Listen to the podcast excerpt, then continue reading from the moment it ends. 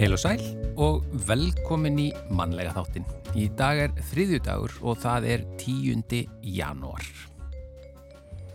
Tíundi dagur ársins. Já, uh, ef að byrja að rifja upp einhverja viðburði tengda þessum Já, degi. gerum það.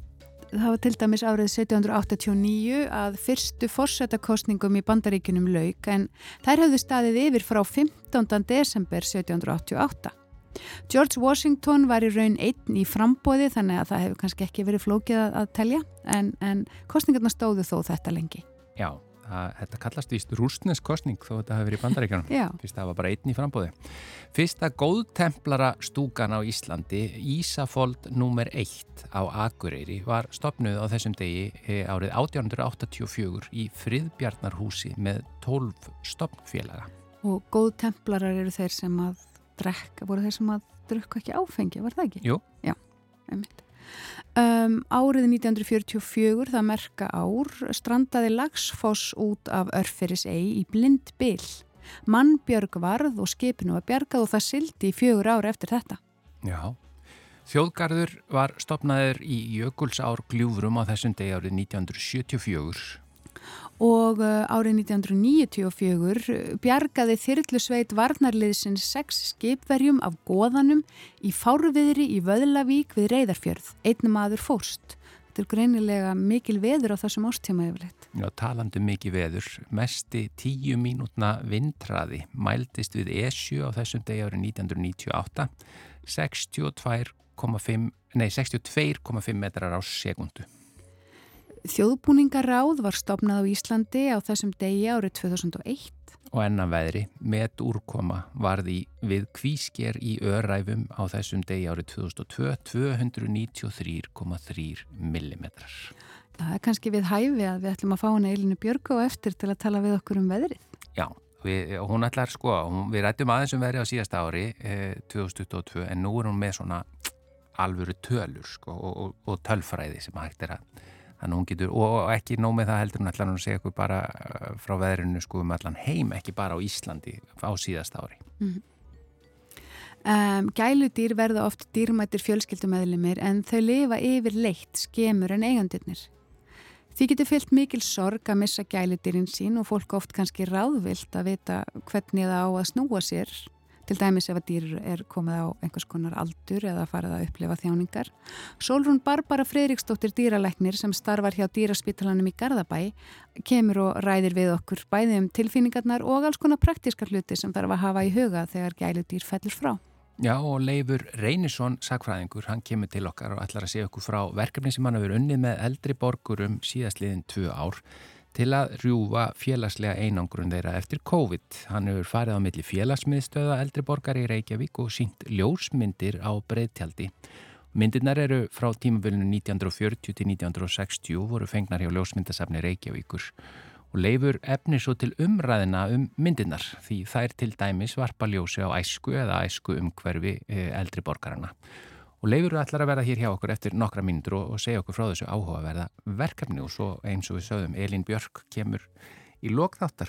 Það var það veður spjall en við ætlum að byrja á tónlist. Já, það er svo ótalmart sem við ætlum að fjallum í þessum þætti og þess vegna við hæfi að heyra Elli Vilhjálms syngja lægið Það er svo ótalmart.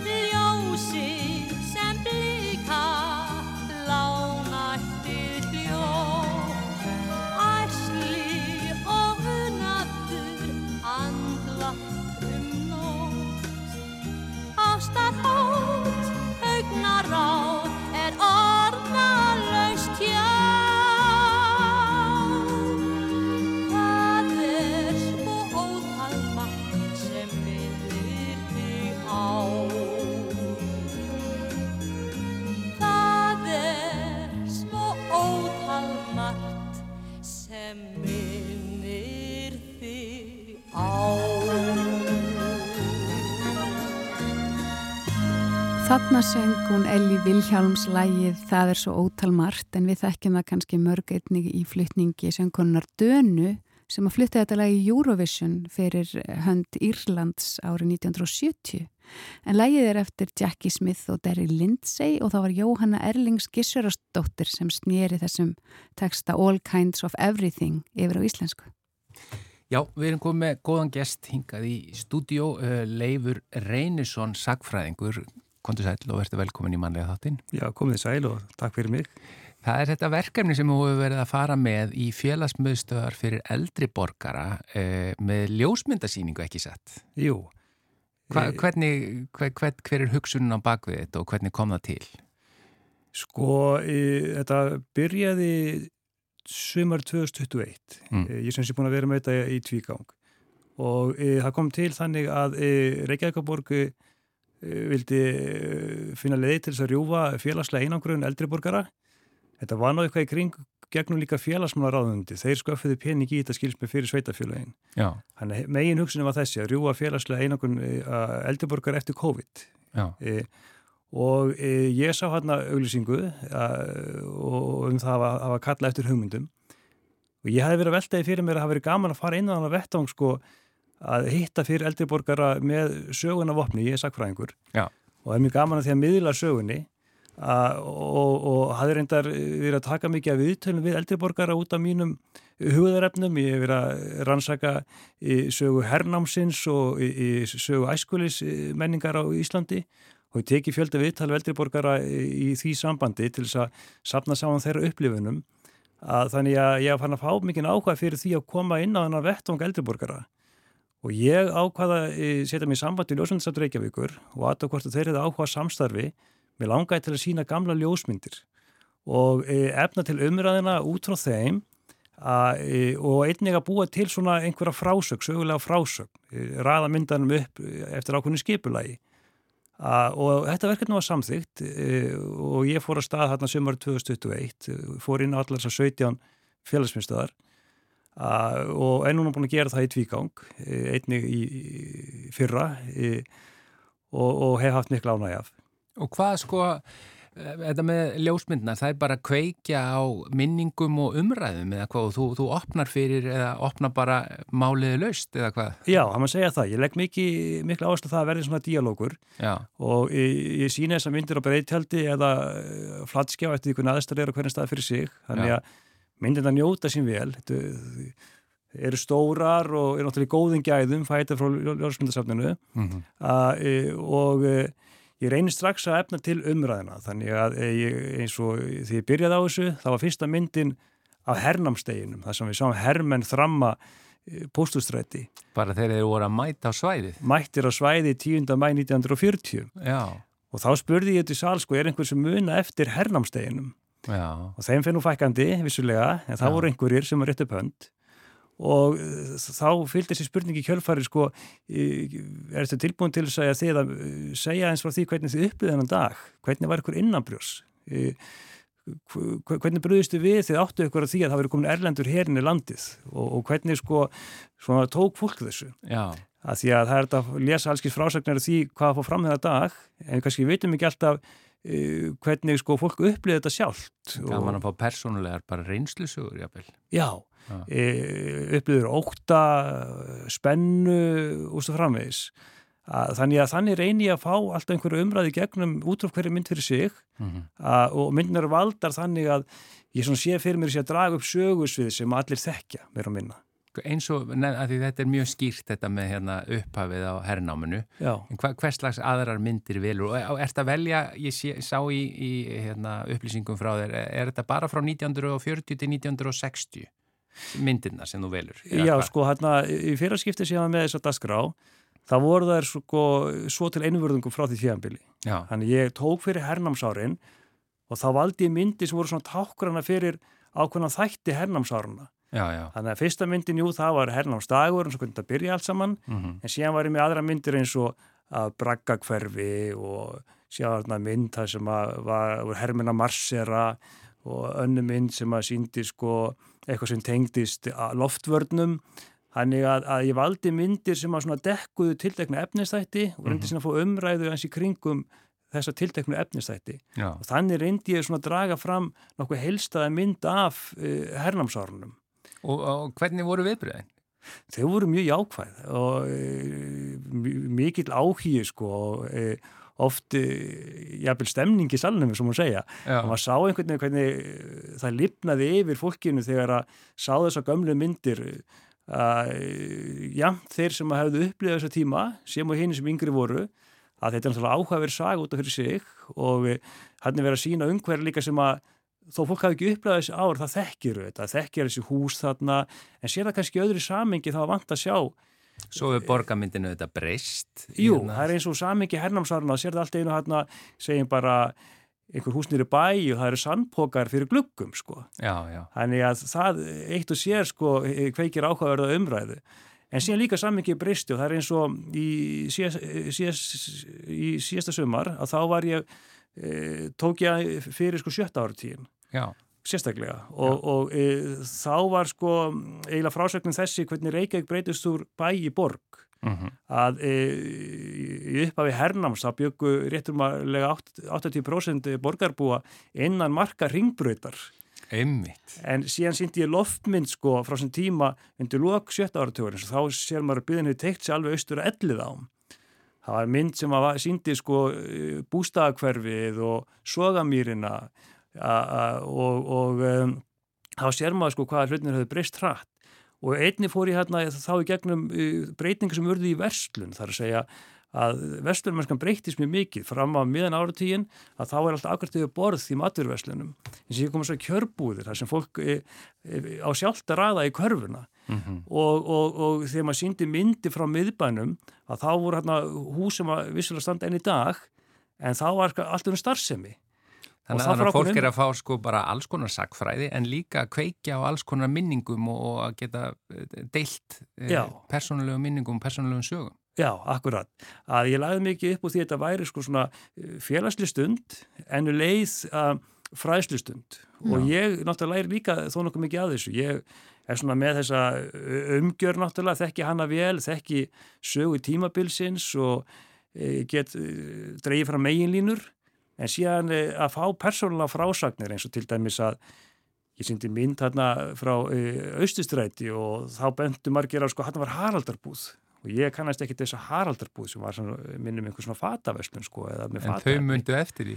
mundu eftir og síðan fylgdi einhver saga sem var þessi sko að það var svo gaman að fara með mömmu þarna inn því að, að, að, að eh, þegar það var borgað þá peningur settur í eitthvað svona í skuffu og fór upp á næstu hæð upp um einhver rörið á hólk og sér já. afgangur niður þannig að svona einhver sterk æskuminning sko þetta könnuðist menn ekki við og öðrum búðum þetta var eitthvað sem að lifði sterkt í, í minningunni. En þetta eru félagsmiðstöðar eldri borgar í Reykjavík, þannig að myndirnar Já. eru tengda Reykjavík. Eh, nú get ég alveg ímyndað mér að fólk myndi vilja þetta bara um allt land. Hefur eitthvað skoðað það að fara með þetta víðar?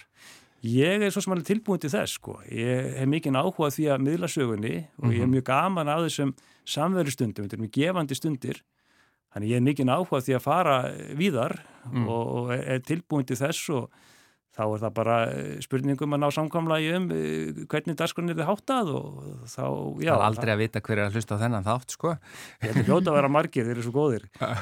En ertu, bara talandum, er samt Reykjavík áfram, ertu, verður áfram með þetta núna í ár? Uh, Það er óljós sko að, að ég gert samning sem sé bara, ég, þetta byrja þar ég laði inn umsókn hérna sem var 2021 og, og fekk þannig samþykta Mm -hmm. sem var hatt samband við mig núna sísta svimar að því að þetta þótti takast það vel að, að, að borgi vildi halda þessu áfram og, og máli var það að félagsmannráðundi það uh, borgaði fyrir sko og sett ákveðin pening í þetta. Nú veit ég ekki alveg hvernig verður með fjármögnur möguleika uh, næsta sumars en ég er allavega vel tilbúin og ég veit að uh, eldri borgarar sko í þessu félagsmiðstöðum eru tilbúinir og líka þeir sem að stjórna þeim, þeir hafa sko e, e, sendt mér mikil þakklættiskeiti í, í kjölfarið og, og, og það hefur verið gaman að eiga líka samskipti við þá sko því að þeir eru svo drífandi í því að gera vel við eldiborgar, maður skinnir það með stert sko að hvað er mikil jákvæðinu og áhuga sem um það að vera með svona levandi dagskráð en að virkja þú líka, ekki bara vera með sko dagskráð það sem er bóðið upp á að hlusta á einhvern heldur að eldri borgar að taki þátt einhvern veginn. Já, þetta hljómar mjög vel. Og hvernig, uh, ef fólk hefur áhuga að bóka þig í svona fyrirlestur og, og, og samræðu stund, hvernig hefur fólk samband við þig? Já. Góð spurning, ég þarf að fara, að koma upp svona vefsíðu sko en ég er í símaskráni. Leifur Reynursson, það er nafnið. Sækfræðingur í Já. samanskráni. Þakka er innilega fyrir komuna í manlega þáttin og segja okkur frá þessu skemmtilega verkefni. Já, takk fyrir mig.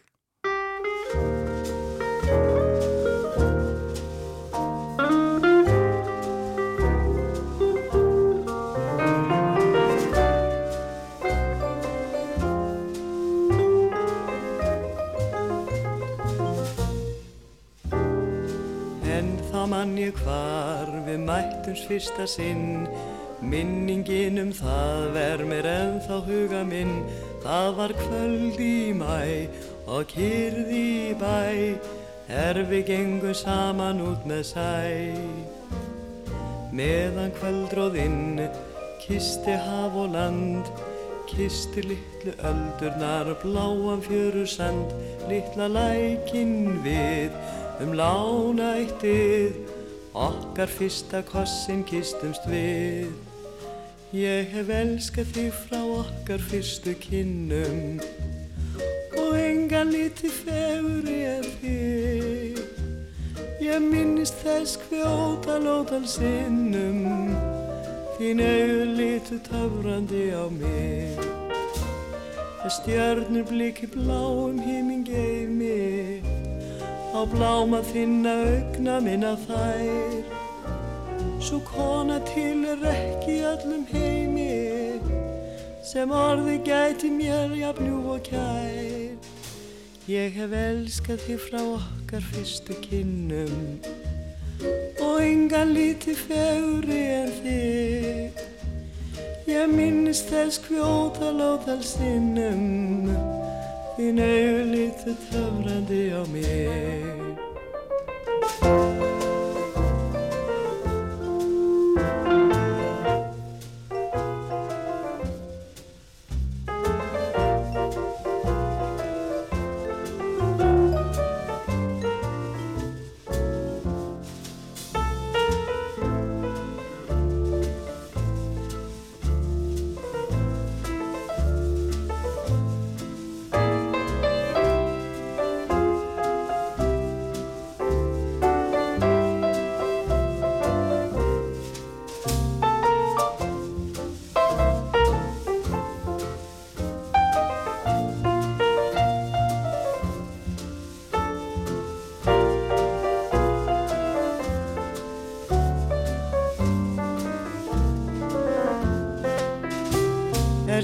stjörnur blik í bláum himmin geimi Og bláma þinna augna minna þær Svo kona til er ekki öllum heimi sem orði gæti mér ég bljúf og gær.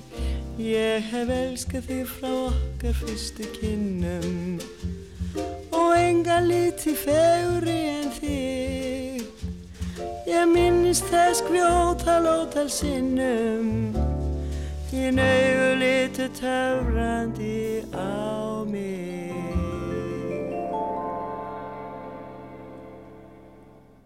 Já, þetta var Hallbjörg Bjarnadóttir að syngja lægið Ennþá man ég hvar. Eh, þetta lag er eh, eftir Móin Stam og Kai Andersen og íslensku text er eftir Bjarna Guðmundsson.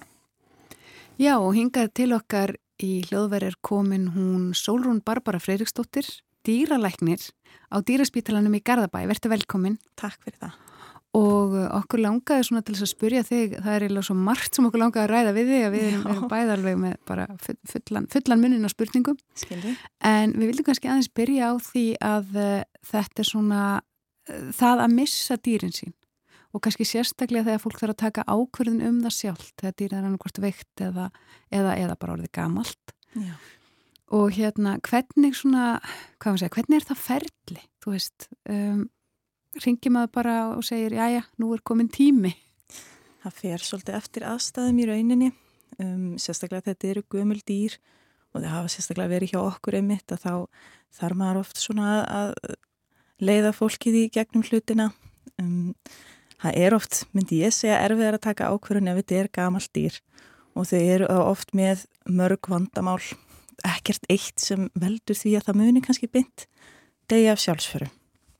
Um, og það er þá frekar kannski eins og verðt með slæma gikt. Um, kannski ertu komið krabbamein líka. Ekki langt leitt hérna endilega en það eru komin önnu vandamál upp með því.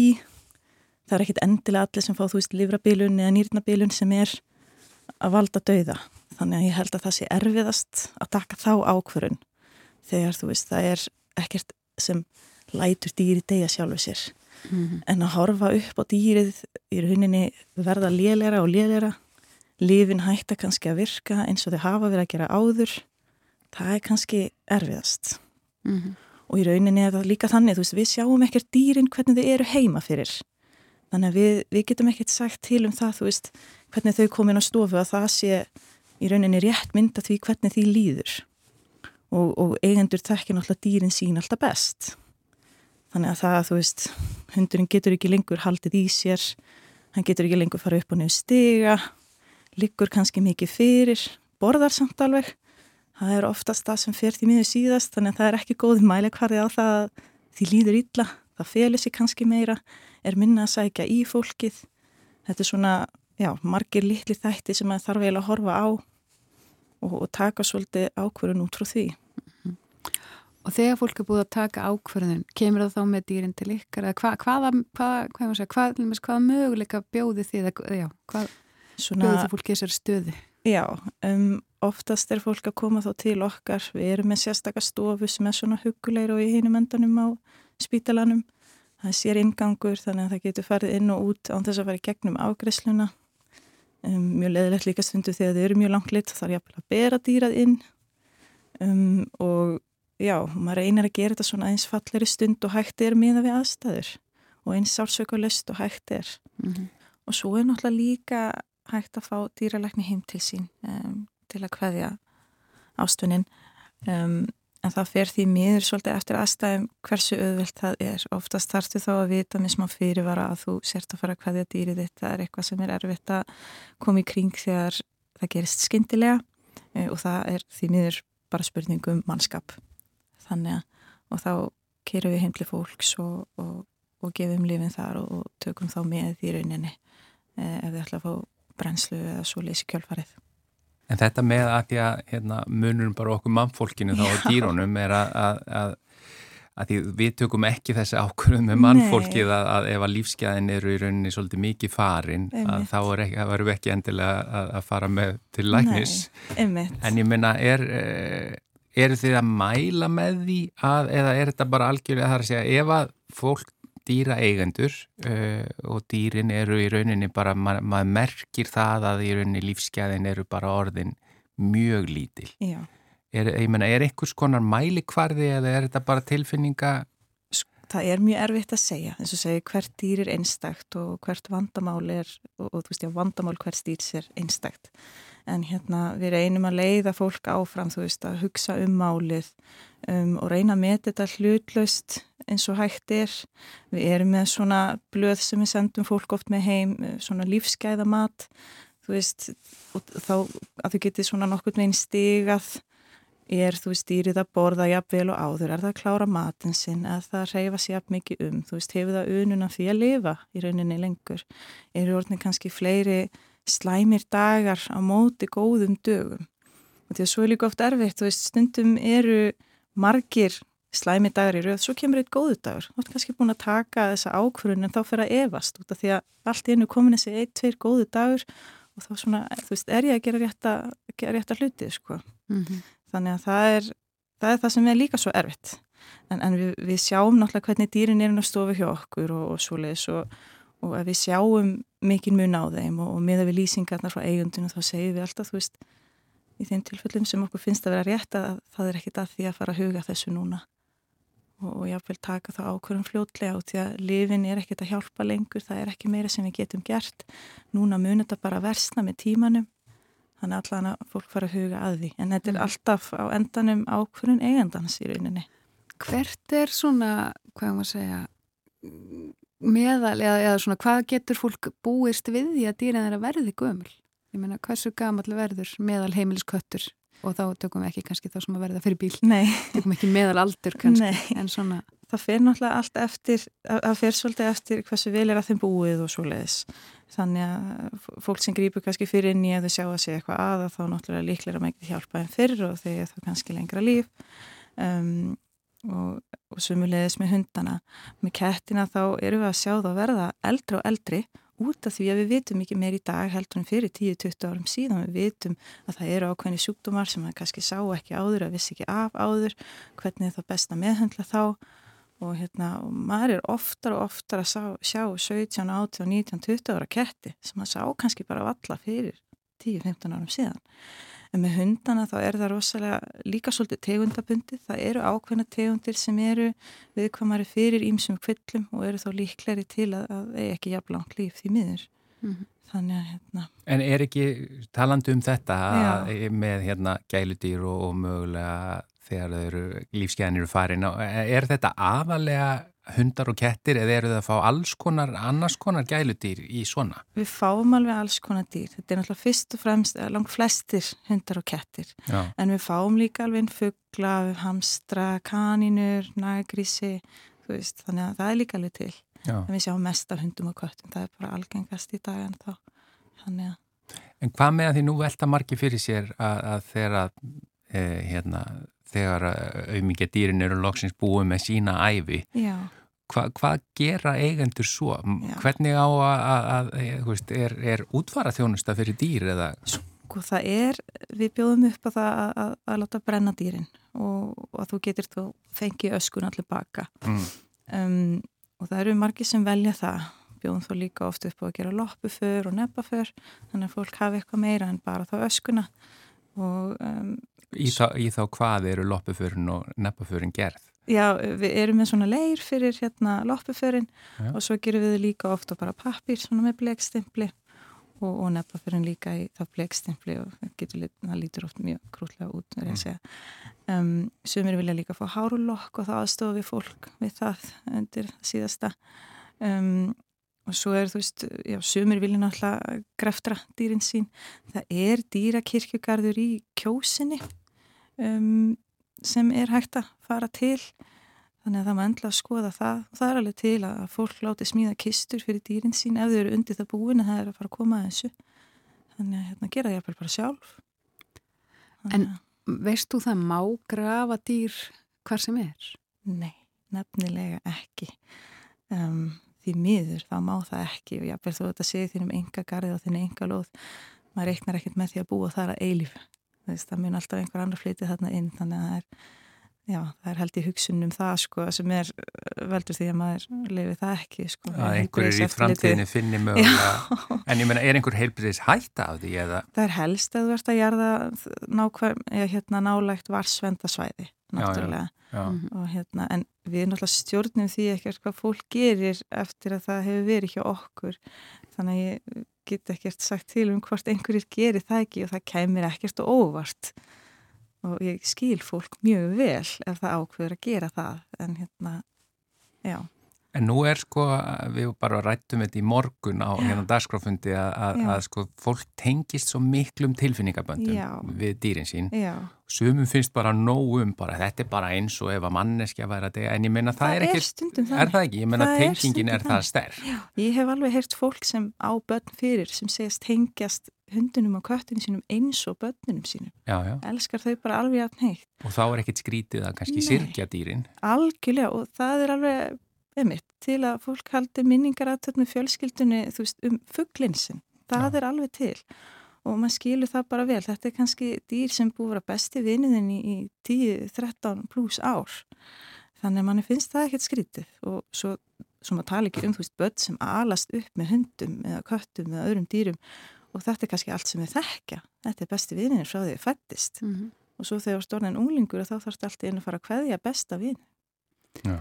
En, en eh, gefið þið fólki einhver ráð eins og til dæmis, maður veit nú til þess að sömur, bregðast við þessari sorg með því að fara bara strax að leita að nýju dýri. Gefið þið fólki ráð í svoleiðis aðstæðum? Sko, það er náttúrulega bara undir hverjum meinum komið, þau verður að vita sjálf hvort þessu tilbúin í það eða ekki.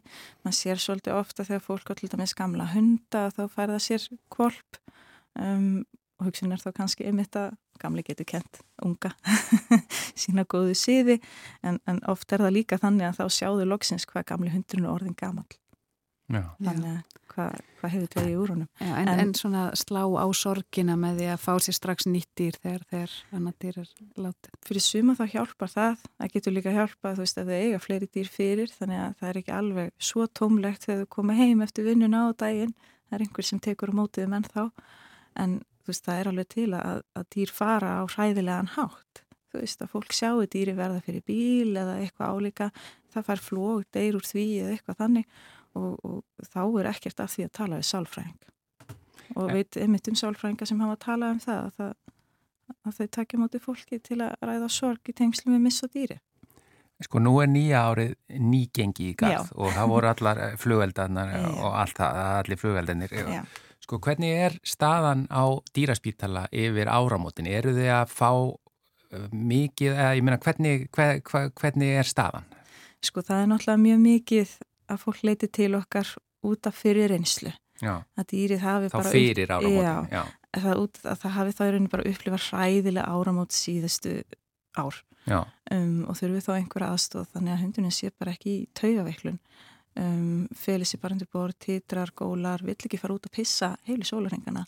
Það er alveg dæma að fólk þurfa að keira út fyrir bæjamörk svo að hundunum fara á veist, Þetta er alveg það slæmt. já, tekur langan tíma að jafna sig. Já, og, og svo er þetta líka, þetta er ekkit bara á áramótin, þetta er allir dagarnir í kring, það var ennþá verið að skjóta í gerkvöldi í mínu hverfi, Já, sem er náttúrulega umlegt, í hundum mínum er ekkit, eh, líkar ekkit vel við það. En hérna, eh, en fólk leita til okkar í aðdraðandum svona upp úr desember yfirleitt um, út af því að þeim vantar eitthvað skonar róandi eða kvíðastillandi fyrir hundana sína og svo er líka það, það er ekkit eitt sem hendar öllum, ekkit frekar en fyrir okkur ef við höfum eitthvað andlega erfitt. Þannig að maður byrjar ofta á því að nota eitthvað lif sem virka fyrir flesta. Stundu þarf maður að bæta í eða skipta yfir í önnu lif en maður veit hann alltaf aldrei fyrir en eftir á hvernig hefur Og, og það er alveg, einmitt, nokkur aðilar þá bara í vinnunni sem sjáum það að taka saman lif fyrir hinn og þennan, ringja hvernig gekk síðast, ok, með við aðstæður þá bætum við þessu lifi núna eða skiptum yfir í þetta lif. En það er alveg ágætis vinna sem fer í það. En þannig að það er í rauninni livjagjöf sem að er að hjálpa í þessu, eða að segja ef hún hefnast vel. Ef hún hefnast vel, já, en svo er náttúrulega líka ímilis, heimilisráð sem við mælum alltaf með og það er þetta eins og fleiri hafa farið inn áður dýralæknar í útvarpinu um mitt að, hérna, að vera með kveikt ljósin, lokaða glugga, um, dreigið fyrir gluggana, hafa róandi tónlist í gangi, um, vera ekkit að reyna að bregðast við flugöldunum sjálf út af hundurinn les náttúrulega hvernig þú bregst við. Já, Þannig að ef að hann upplifar að þetta sé eitthvað til að vera stressaður yfir að þá stressast hann ennþá frekar. Það getur líka verið að séu aðrir hundur á heimilinu sem eru einstaklega stressaðir yfir þessu og þá verður hinn hundurinn stressaður út frá því. Smitast. Jeps, þannig að þá þarf maður einhvern veginn að, að, já, að reyna að tækla það. Og það er líka leitt til að kettir verður mjög hrettir í flugvöldum og tala ekki um fuglar heldur. Um, kettir eru þá helst bara að fela sig, ekkert að því í sjálfu sér, það er náttúrulega bara þeirra eðli en ef þeir eru farnir að ofanda, þú veist nú, opin munnin og þannig þá er kannski eitthvað sem það þarf að íhuga að vinna í sko og jafnvel með þá lifja gjöf. Mm -hmm.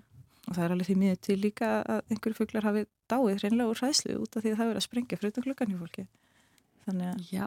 já, Já, takk kjærlega fyrir að fræða okkur um þetta því að Já. eins og við segjum, þetta er, þetta er þessi blessu dýr þegar við tengjum stert við þau, hérna, þannig að þetta er, þetta er mikið tilfinningamál. já, Eh, Sólrún Barbara Freiriksdóttir dýralæknir, takk einlega fyrir komin í mannlega þátti. já, takk fyrir mig.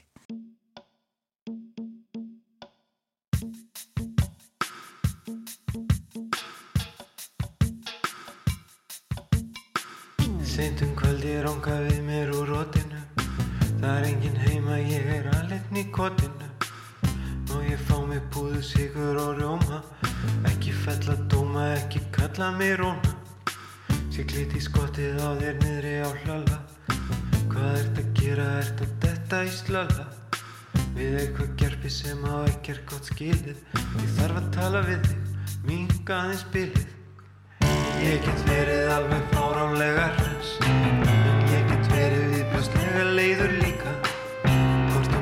er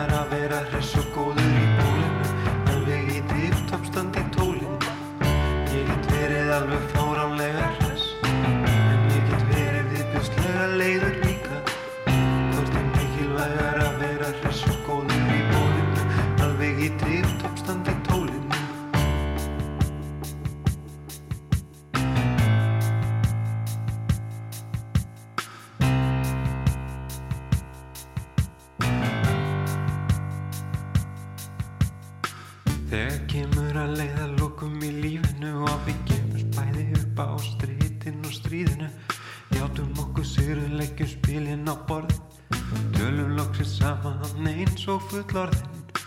Þá kemur eitt og annað upp úr krafsinu eins og hver gerði betur í vaskinu En sá vægi sem vitið hefur meira Ég gerði helling en þú gerðir fleira Ég get verið alveg fáránlega hress. En ég get verið viðbjörslega leiður líka.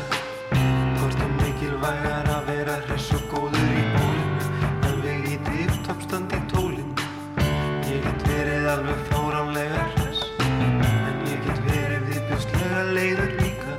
Hvort er mikilvægar að vera hress og góður í bólinu Alveg í dýftoppstand í tólinu Ég get verið alveg fáránlega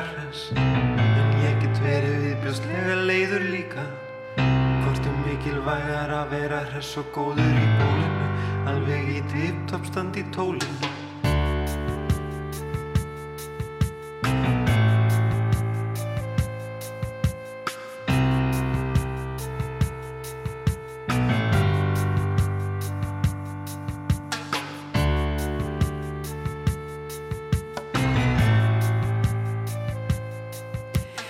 Þarna heyrðum við lægið Tip Top með Prins Pólo og það var auðvitað Svavar Pétur Eistinsson sem átti lag og texta.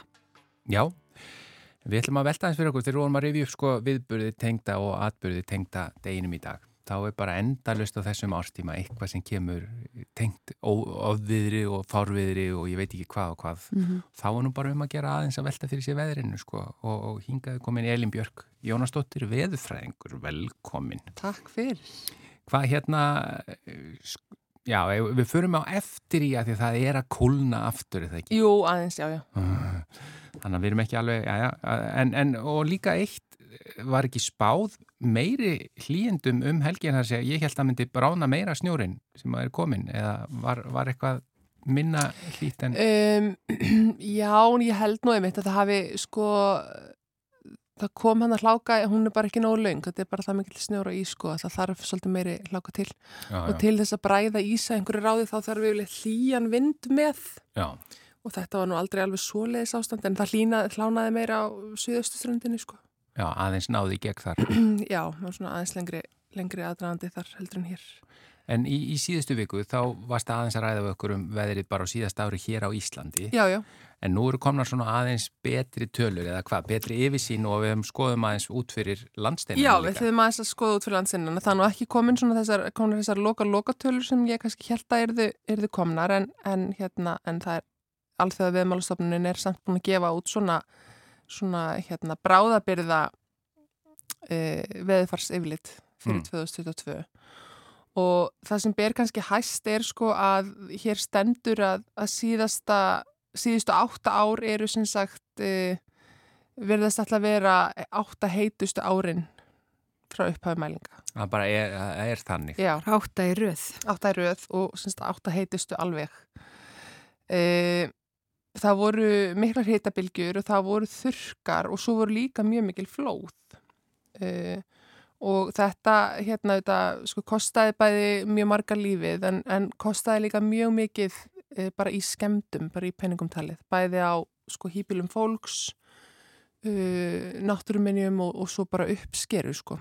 Já. og hérna þannig að svona þessar, þessar sviðsmyndir sem við höfum verið að ræða um varðandi sko afleðinga og loftasbreytinga sko þær verðast nú allar vera svolítið að sína sig Og það, ég Em, meina og afleðingarnar eru svo margvíslega. Já og svona þegar fólk verið velta fyrir sér til dæmis bara flóttamannaströmmnum sko að, að þá er, er þetta til dæmis þegar fólk bara neyðist til þess að yfirgefa heimilið sitt vegna þess að bæði er sko heimilið þeirra og uppskerunni búið að skóli burt Já. þetta er eða hreinlega allt árið þurft og ekkert, ekkert vext það er þetta sem skiptir svo miklu máli sem að tala ekki um aðganga vatni sko Já, já. þannig að það er hérna svolítið, svolítið mikið svona af þessu í, í þessu yfirleiti e, síðan er talað hérna eins um að sko sjáur yfirborð hafi hækkar hraðar uh, núna heldur en oft áður og semst hraði hækkunarinnar hefur tvöfaldast síðan 1993 Er, það bara að því að hýta aukningin hefur verið meiri? Hittaukningin hefur verið meiri og jöklarnir bráðnar hraðar þannig að Já, það fyrir meira við það. fersk vatn út í og sem sagt bæði sem sagt þ- hérna ekst sko ummál vass eftir því sem það hitnar Mm -hmm. uh, Mhm. og síðan hérna uh, já, kemur bara, er bara að koma meira magn af vatni. Já, en er sko, er eitthvað hægt að segja að því talandum öll þessi, allar þessar afleðingar Mhm. og hækkun sjávar, Mm -hmm. er eitthvað hægt að segja að því nú er bara svo ótrúlega mikið af byggð sem er alveg niður við sjávarmál, Já. er, er einhver hætta strax farin að stæðja að Sko ekki þannig að hús séu sem sagt, kannski standi vatni allan ársins ring, það er ekkert svoleiðis held ég komið fram, Mhm. en, en auðvitað aukin flóðahætta á þessum byggð- byggðu strandsvæðum, þannig að það er miklu meira tjónnæmi, sko, um leið og þú ert komið með, sko, algengari flóð. Ef að 50 ára atbyrður eru orðnir 5 ára atbyrðir, að þá er tjónnæmið orðið svo mikið, því þá ertu raun og verið alltaf að endurbyggja, sko, sömu sömu, hérna, byggðirnar Já, já, og þetta er vandamál í, sko, við Bengalflóa og þetta er vandamál, sko, í Mexikoflóa og, og hérna, en Og í kannski bara að gera eins og og í víðar, Hollandi sko. að fara að reysa bara alls konar varnagarða og, annað. Já, sko, oftast er þetta nú á svona svæðin það sem er einmitt búið að reysa varnagarðana, sko, en þeir döðu ekki til. Þannig að nú þarf að fara að gera einhvers konar annars konar skipulag, sko, bæði þarf auðvitað að hætta að byggja landvillingum og, og slíkt, sko, en, en einnig þarf að gera bara skipulag um hvernig er, er best að, sko, dæla vatni út, hvernig þóla byggingar frekar, ég held að það sé eiginlega eina sem er að gera. Aðlögunin snýst svo mikið um þetta, þessi aðlögun að loftasbreytingum Mm snýst Mhm. mikið um þetta, hvernig getum við sko takmarkað tjónið og, og takmarkað hvað tekur langa tíma að endurbyggja eða endur gera eða laga sko. Mhm. Og svona þessu tengt sko þá er eitt af því sem að hérna er sérstaklega tekið fram hérna er sko uh, jöklarnir í Ölpunum að þeir fóru ábærslega illa út úr þessu rosalega hlýja sumri í Evrópu. Já. Sumarið í Evrópu sko verðist hafa slegið öll met uh, og kannski skemst að minnast sko hitametsin sem fjall í Breitlandi uh, í, í hérna í sumar sem að sko var, í, nú bara er ég búin að gleyma hvað var hátt, það var meirinn 40 gráður sló sem sagt bara nokkra ára gammalt met sem hafði þá slegið sko 100 ára gammalt met með 2-3 gráðum þannig að Já, já. bara síðustu ár þá höfum við séð þetta uh, og hér stendur líka sko að, að nattrætt meðalhiti er svona 1,15 gráðum yfir þetta 1850 til 1900 um, meðaltal sem er þá sko fyrir innbyltingu þá fyrir áður en að við fyrir að blása út af þessum gróðursaloftegundum og hérna og það er líka hlýra en núna 100 ára meðaltali síðustu ár sko. Mm -hmm. þannig að þannig að þetta er sko þetta er allt svona á sama veg e, og þarna er búið að rekna inn sko desember kuldana sem að e, við eruðum náttúrulega verið hér á landi. Já, þegar voru, það var hlýjindi fyrst, svo kom kuldi. Já, og, og það sem er kannski óvinnlegt við það eins og hér á landi var að, að hérna veðrabriðin skiptust akkurat á mánaðamótum. Oft fáum við kannski helming eða þrjárvíkur mjög hlýtt og svo einhvert kulda þannig að þá verður sko meðaltalið ekki svona afgerandi en allur nóvember var rosalega hlýr og allur desember var mjög kaldur þannig að meðaltölin af þessum mánuðin verða mjög afgerandi hlýjust og kaldust Já, já. Já.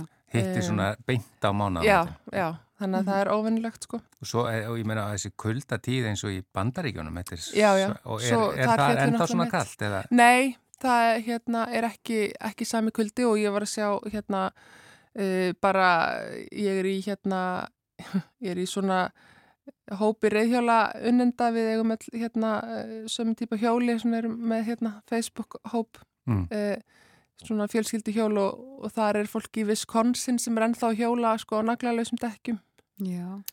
jefna er nú alltaf hvað við snjó og, og mikið frost þar á þessum ástæðum lendi þau ekki í þessari hörku? Jú, virðist bara vetrartíð? ekki hafa sko snjóað mikið hjá þeim og svo þegar hlýnað aftur og þá bara var það allt treynd og fengt og þau eru bara ennþá hjólandi annað en við hér Já, já. Og, og svo er fólk að drekka kaffe á götu kaffehúsum úti í Já. París. í París, emitt. Já, í búið 14 hlýtt í undan. Já, það búið að vera hlýtt í Európa. Þar hefur verið svolítið, það var á saman tíma að vera ískalt hér, þá var einhverju með hlýjindi í, í Berlínum jólinni, mann ekki hvort það var 16 stega hiti. Já. Hún amma mín hefði nú hrist hausinu fyrir því. Já, hérna, en sko, ég, nú eld ég einu fyrir mér, ég veit ekki hvort sé asnali spurning, en hérna á síðri hluta hnattanis, hérna, það sem er bara sumar, núna. Núna, já. Já, er, er þú einhvað svona að kíkja þangað eftir því eða? Já, sko við höfum þetta alltaf fengið, við fáum gjarnafréttir þegar verða einhverjar hamfærir þar og við fáum uh, svona gjarnafréttir af, af skóreldum og hitabylgjum til dæmis í Ástralíu. Það hefur nú Mm. ekkert komið slíkt hérna undarfarið og mér skilst að hafi sko fallið nokkuð kuldamett á ástralska vetrinum síðasta vetur þannig að það verður spennand að sjá svona hvernig sumarið e, fer þar sko og Þetta hefur verið svolítið, það er að segja, sveiflan hefur verið, það hefur verið mikli kuldar og mik mikið já, hiti. já, og það verðist hafa verið svipað á þeim slóðum Já, þó að kuldamöndin þeirra sé ekki jafn köld og kuldamöndin okkar sko. En, en ég hef ekki, sko, ég hef bara ekkert skoðað það núna það sem afir ári, sko, hvernig staðan hefur verið. En það ég hef allavega ekki séð svona einhverjar ábyrrandi upplýsingar um, um óvinnulegan hita eða kulda þar. En, en ég þarf kannski bara að skoða það fyrir næstu en hvað segir okkur með hennan kulda, Kulda. sem er að koma núna? Já, það, þetta er nú svona janúar á Íslandi bara. Já, Það er hérna, það er einhver lagðagangur hérna söður af okkur og við, við erum svolítið í svona austan og norðanáttum með, með kulda, sko, úr norðuri í raun og veru. en, en Mhm. fylgir þessu vindur að því að það skiptir nú ansið Það er nú miklu máli? svona eitthvað misjamt, sko. Uh, hvernig það er, það hvessir eitthvað aðeins og svo lægir aftur og, og, og svona þannig að það er nú kannski ekki alveg standandi sko norðan stormur með þessu öllu saman en, en það getur alveg, þetta er alveg svona tilefni til þess að fylgjast vel með og, og loka glugum að stilla opna svona eftir því sem að Já. þarf vera á. Og binda niður trampolínin og svona. Jú, ef, að þau, ef þau er ekki frosin, þá er eins gott að Já, þau getur verið bara first, frosin við jörðina það. en, en, en sérðu eitthvað hvað þessi kuldatíð sem er að koma núna, þessi miklu kuldi, hvað hann staldra lengi við? Já, hann er nú allavega eitthvað út næstu viku, sko. Já, já. Þannig að, þannig að við erum, svo sem sjáum ekki droslega langt svona fram í tíman með áræðanlegum hætti en, en eh, það er allavega ekki að sjá það síðan en hlýjindi í kortónum, sko. En svo er það nú þannig að það þarf ofta ekki nema bara eina einhverju öfluga lag til þess að breyta öllu saman, sko. Þannig að, hérna, ef við erum að vonast eftir því, þá er alveg óþrá að gefa upp vonuna, sko. En ég veit að skýða fólkið er annað. Já, ég, hérna, ég ætla að halda áfram að vona þá. Elin Björk Jónastóttir, takk einlega fyrir komuna. Takk fyrir mig.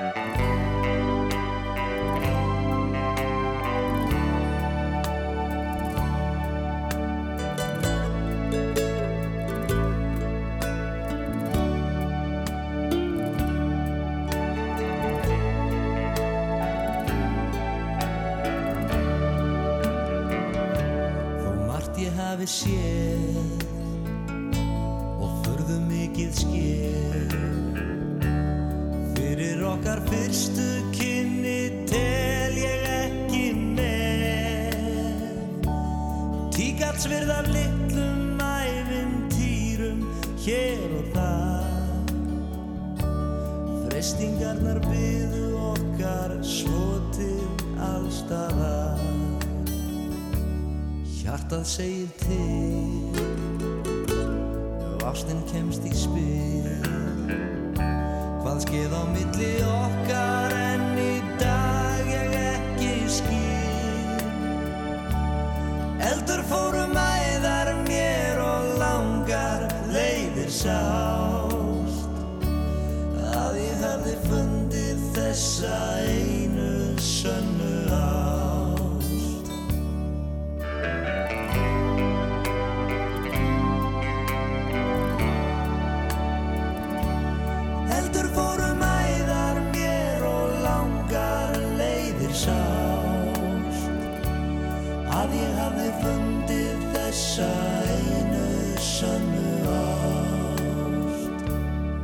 Hugsar hver um sig. Þú sagðir bless við mig. Jafnvel sjálfur fjandinn hefði ekki stöðvað þig Eftir að þú fórst þá hef ég eitthvað er þjást Var hún á skýmyndum þessi eina sanna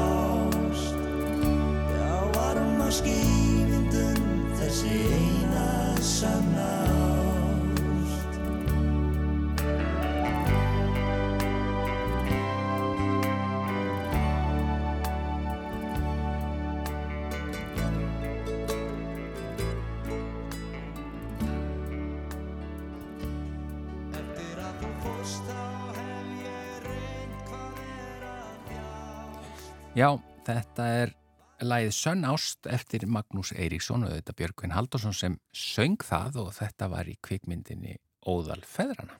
Einmitt. En þá er bara komið að lókum hjá okkur í dag. Já, uh, við verðum hér auðvitað á sama tíma á morgun en þökkum innilega fyrir samfélgin í dag. Takk fyrir okkur. Verið sæl.